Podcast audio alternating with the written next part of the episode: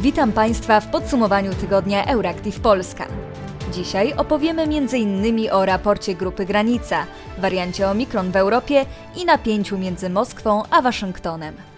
Nazywam się Patrycja Gosk, a w wirtualnym studiu jest ze mną Jakub Krystek. Realizatorką i wydawczynią podcastu jest Kinga Wysocka. Władze Barbadosu uroczyście proklamowały w tym kraju republikę i tym samym dopełniły proces detronizacji na Wyspie Brytyjskiej Królowej. Possessing a clear sense of who we are and what we are capable of achieving, in the year 2021, we now turn our vessel's bow towards the new republic. We do this so that we may seize the full substance of our sovereignty. Barbados stał się republiką dokładnie o północy miejscowego czasu w nocy z 29 na 30 listopada.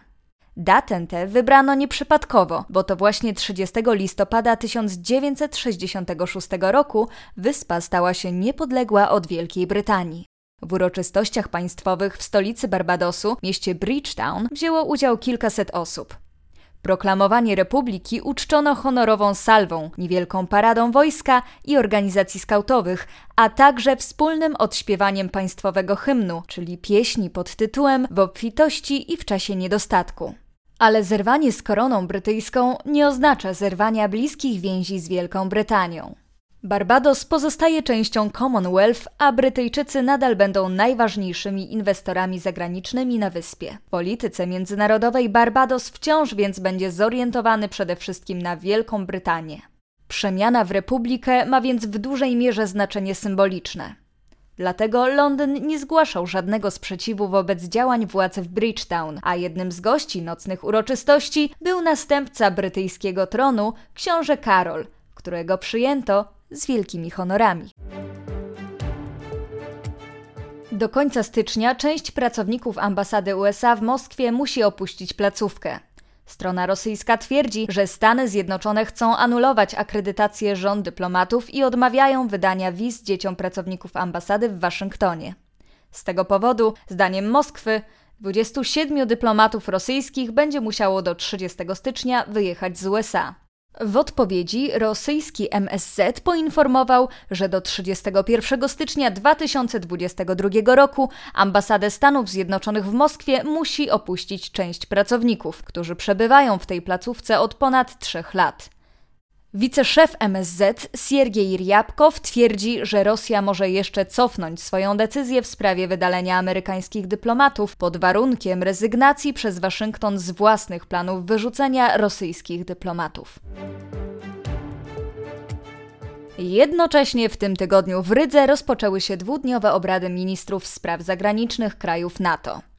Koncentracja sił rosyjskich przy granicy z Ukrainą jest jednym z głównych tematów spotkania. Rosja zapłaci wysoką cenę, jeśli po raz kolejny użyje siły przeciwko Ukrainie. Ostrzegł sekretarz generalny Sojuszu Północnoatlantyckiego Jens Stoltenberg. We stand united uh, in our aim to deter Russia from any further aggressive actions. We call on Russia to be transparent, de escalate, and reduce tensions any future Russian aggression against Ukraine would come at a high uh, price. Dodał, że chodzi o konsekwencje gospodarcze, finansowe i polityczne. Podobną opinię wyraził szef amerykańskiej dyplomacji Antony Blinken, sugerując, że każda ponowna agresja wobec Ukrainy pociągnęłaby za sobą poważne konsekwencje. NATO obecnie prowadzi działania na Ukrainie, takie jak szkolenia wojskowe, pomoc w zwiększaniu zdolności militarnych czy dzielenie się informacjami z Kijowem. Władimir Putin ostrzegł przed stacjonowaniem na Ukrainie systemów obrony przeciwrakietowej NATO. W takim przypadku musielibyśmy stworzyć podobne zagrożenia dla tych, którzy nam zagrażają, powiedział. W tym tygodniu poruszenie wywołał 37-stronnicowy raport przygotowany przez grupę Granica, przedstawiający sytuację migrantów, którzy utknęli w strefie przygranicznej jednego i drugiego kraju. Został on sporządzony na podstawie informacji i danych gromadzonych od drugiej połowy sierpnia przez osoby pracujące w terenie przygranicznym przede wszystkim z zamiarem udzielenia migrantom i migrantkom pomocy humanitarnej oraz wsparcia w dostępie do przewidzianych prawem procedur. Aktywiści podkreślają, że ze względu na restrykcje wynikające z wprowadzenia stanu wyjątkowego oraz braku oficjalnych i wiarygodnych danych, informacje zbierane przez aktywistów i aktywistki w terenie są kluczowe dla oceny tego, jak w rzeczywistości wygląda sytuacja na pograniczu. W raporcie znalazło się także kalendarium wydarzeń i rozdział poświęcony działaniom Mińska. Według danych zgromadzonych przez Grupę Granica, migranci i migrantki w przeważającej mierze pochodzą z państw ogarniętych konfliktami zbrojnymi lub takich, gdzie łamane są prawa człowieka.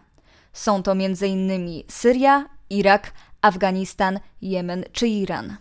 Dokument jest przepełniony opisami scen mających miejsce na granicy.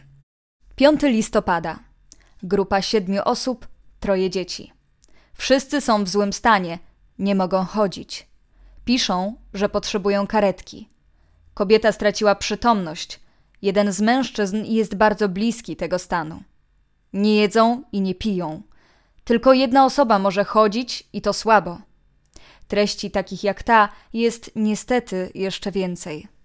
Od końca września 2021 roku sytuacja na pograniczu polsko-białoruskim określana jest mianem kryzysu humanitarnego. O bezprecedensowości obecnego stanu świadczy skala sterowania nowym szlakiem migracyjnym przez władze w Mińsku. Można przeczytać w raporcie. Przed początkiem kryzysu Białoruś współpracowała z Unią Europejską, a nawet otrzymała środki za ochronę wschodniej granicy. W maju 2021 roku Aleksander Łukaszenka ogłosił, że zamierza wypowiedzieć zawartą w 2020 roku z Unią Europejską umowę o readmisji, co ostatecznie białoruski parlament zatwierdził w październiku 2021 roku. W praktyce władze białoruskie już wcześniej nie przestrzegały jednak warunków tej umowy, podkreślają autorzy.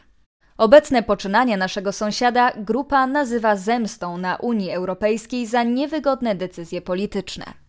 Aktywiści uważają, że za koszmar, który przeżywają migranci, odpowiedzialne są obie strony, czyli Białoruś, która próbuje wręcz przegonić tych ludzi, oraz Polska, która nie udziela im pomocy. Według nich nie mamy do czynienia z kryzysem migracyjnym, a humanitarnym. Autorzy nie zgadzają się z postępowaniem państwa polskiego i powołują się na dyrektywę Unii Europejskiej. Jeśli osoba znajduje się na granicy, powinna zostać wpuszczona na terytorium kraju. Nie ma przy tym znaczenia, czy znajduje się na przejściu granicznym, czy też w dowolnym innym miejscu, jeśli deklaruje swoją wolę w obecności funkcjonariusza Straży Granicznej. Obrazy przytoczone przez grupę są niezwykle makabryczne. Z doniesień migrantów i migrantek wynika, że przemoc ze strony białoruskich funkcjonariuszy eskaluje. Biją, kopią, szczują psami i okradają z telefonów, pieniędzy i dokumentów.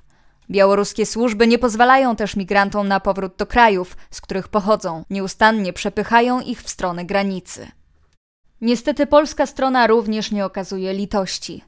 Funkcjonariusze Polskiej Straży Granicznej przy wsparciu wojska i policji wyłapują migrantów oraz migrantki w strefie przygranicznej, po czym bez wszczynania przewidzianych prawem procedur wywożą ich z powrotem do linii granicy i zmuszają do powrotu. W całej tej sytuacji nikt nie dba o stan migrantów, który według raportu pogarsza się z dnia na dzień.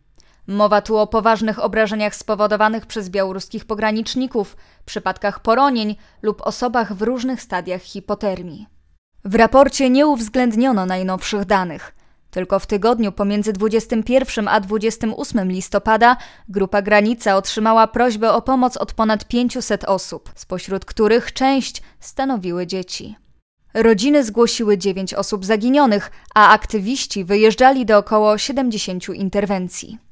Grupa Granica w swoim raporcie apeluje o humanitarne rozwiązanie kryzysu. Apelujemy, żeby przy poszukiwaniu wyjścia z tej trudnej sytuacji budować mosty, a nie mury. By korzystać ze środków, jakie mamy jako państwo, nie jako rząd. Wzywa. A teraz Jakub opowie Państwu o sytuacji koronawirusowej w Europie. Ten tydzień nie przyniósł dobrych wieści w temacie pandemii COVID-19. Światowa Organizacja Zdrowia uznała nowy wariant koronawirusa, Omikron, za wariant wzbudzający obawy. Wykryty po raz pierwszy w Republice Południowej Afryki Omikron okazał się mieć niesamowicie wysoką ilość mutacji, łącznie około 50, w tym 32 w odpowiedzialnym za wnikanie do komórek ludzkiego ciała białku kolca. Dla porównania, w wariancie delta tych mutacji było zaledwie 9. Wariant jest też wysoce zaraźliwy, to zdaje się potwierdzać nagły wzrost zakażeń w RPA. Jednocześnie, według danych Południowoafrykańskiego Narodowego Instytutu Chorób Zakaźnych, aż 74% próbek, które poddano sekwencjonowaniu w listopadzie, zawierało wariant Omikron. Jedyną dobrą, choć niepotwierdzoną jeszcze w pełni wiadomością, jest to, że choroba wywołana zakażeniem tą odmianą wirusa ma łagodniejszy przebieg, a szczepionki wciąż są efektywnym narzędziem walki. Zdają się to potwierdzać lekarze z RPA i Botswany, choć według niektórych badaczy oraz ekspertów WHO ciężko jest stwierdzić, czy nowy wariant jest mniej lub bardziej niebezpieczny. Omikron od swojego odkrycia 24 listopada do czwartku 2 grudnia został wykryty w całej Europie Zachodniej. Wśród krajów UE jeszcze nie wykryto go w Polsce, Słowacji, na Węgrzech, w krajach bałtyckich i bałkańskich. Przypadki zakażenia się nowym wariantem odnotowano w Australii, Korei Południowej, Brazylii, USA, Kanadzie, Nigerii, Ganie, Arabii Saudyjskiej, Izraelu oraz w Indiach. Jednak znalezienie dwóch przypadków nowego wariantu w Niderlandach jeszcze przed ogłoszeniem jego odkrycia w RPA może oznaczać, że wariant powstał jeszcze wcześniej i niekoniecznie w Afryce Południowej. Odkrycie nowego wariantu wywołało niemalże błyskawiczną reakcję ze strony świata. Na loty z RPA zamknęły się innymi Europa, Stany Zjednoczone, Japonia i Australia, mimo sceptycyzmu wobec tego typu środków ze strony Światowej Organizacji Zdrowia. W wielu krajach, w tym w Polsce, wprowadzono też zaostrzenie obostrzeń. W naszym kraju zarządzono kwarantannę dla przyjezdnych spoza strefy Schengen, obniżono z 75% do 50% całkowitego obłożenia maksymalną liczbę uczestników imprez, wydarzeń kulturalnych i uroczystości religijnych, a także klientów restauracji i gości hotelów. Bezpośrednią odpowiedzią na rozprzestrzenienie się wariantu Omikron było zwołanie przez Ministerstwo Zdrowia Wielkiej Brytanii w poniedziałek, 29 listopada, nadzwyczajnego posiedzenia G7.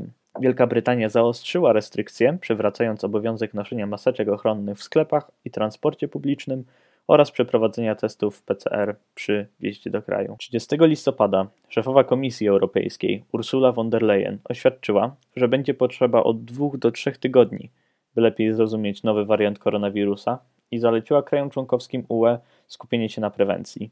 Von der Leyen powiedziała na konferencji w Brukseli w środę, 1 grudnia, że potrzebna jest dyskusja na temat wprowadzenia obowiązku szczepień w Unii Europejskiej oraz że szczepionki są niezbędne do walki przeciw, jak stwierdziła, wysoce zaraźliwej odmianie wirusa. One third of the European population is not vaccinated. These are 150 million people. This is a lot. And not each and everyone can be vaccinated. So there are very small children, for example, or people with special medical conditions, but the vast majority could. And therefore, I think um, it is understandable and appropriate to lead this discussion now. Um, how we can encourage and potentially think about mandatory vaccination um, within the European Union. This needs discussion. This needs um, a common approach. Podkreśliła jednocześnie, że Komisja Europejska nie ma uprawnień, by zmusić państwa wspólnoty do narzucania swoim obywatelom przepisów zdrowotnych. Tymczasem kraje zabiegają o to, by przekonać obywateli do szczepień. Słowacja postanowiła zachęcić osoby w wieku powyżej 60 roku życia bonem o wartości 500 euro w zamian za szczepienie przeciwko COVID-19. Eksperci są zgodni, że zachęty są dobrą rzeczą, ponieważ Słowacja ma jeden z najniższych wskaźników szczepień. Według danych Europejskiego Centrum do Spraw Zapobiegania i Kontroli Chorób, Słowacja w pełni zaszczepiła zaledwie 46,1% swojej populacji. Z kolei inne kraje europejskie stawiają na kary. Przykładem jest Austria, gdzie obowiązkowe szczepienia będą obowiązywać wszystkich obywateli od lutego. Projekt rozporządzenia, do którego dotarła austriacka prasa, głosi, że każdy, kto odmówi podporządkowania się, zostanie wezwany do władz powiatowych. Jeśli dwukrotnie zignoruje wezwanie, zostanie ukarany grzywną w wysokości 3600 euro. Jeśli naruszenie przez niego prawa dotyczącego szczepień przeciw COVID naraża inne osoby na poważne ryzyko, lub jeśli nadal będzie ignorować nakaz, zostanie ukarany grzywną w wysokości do 7200 euro.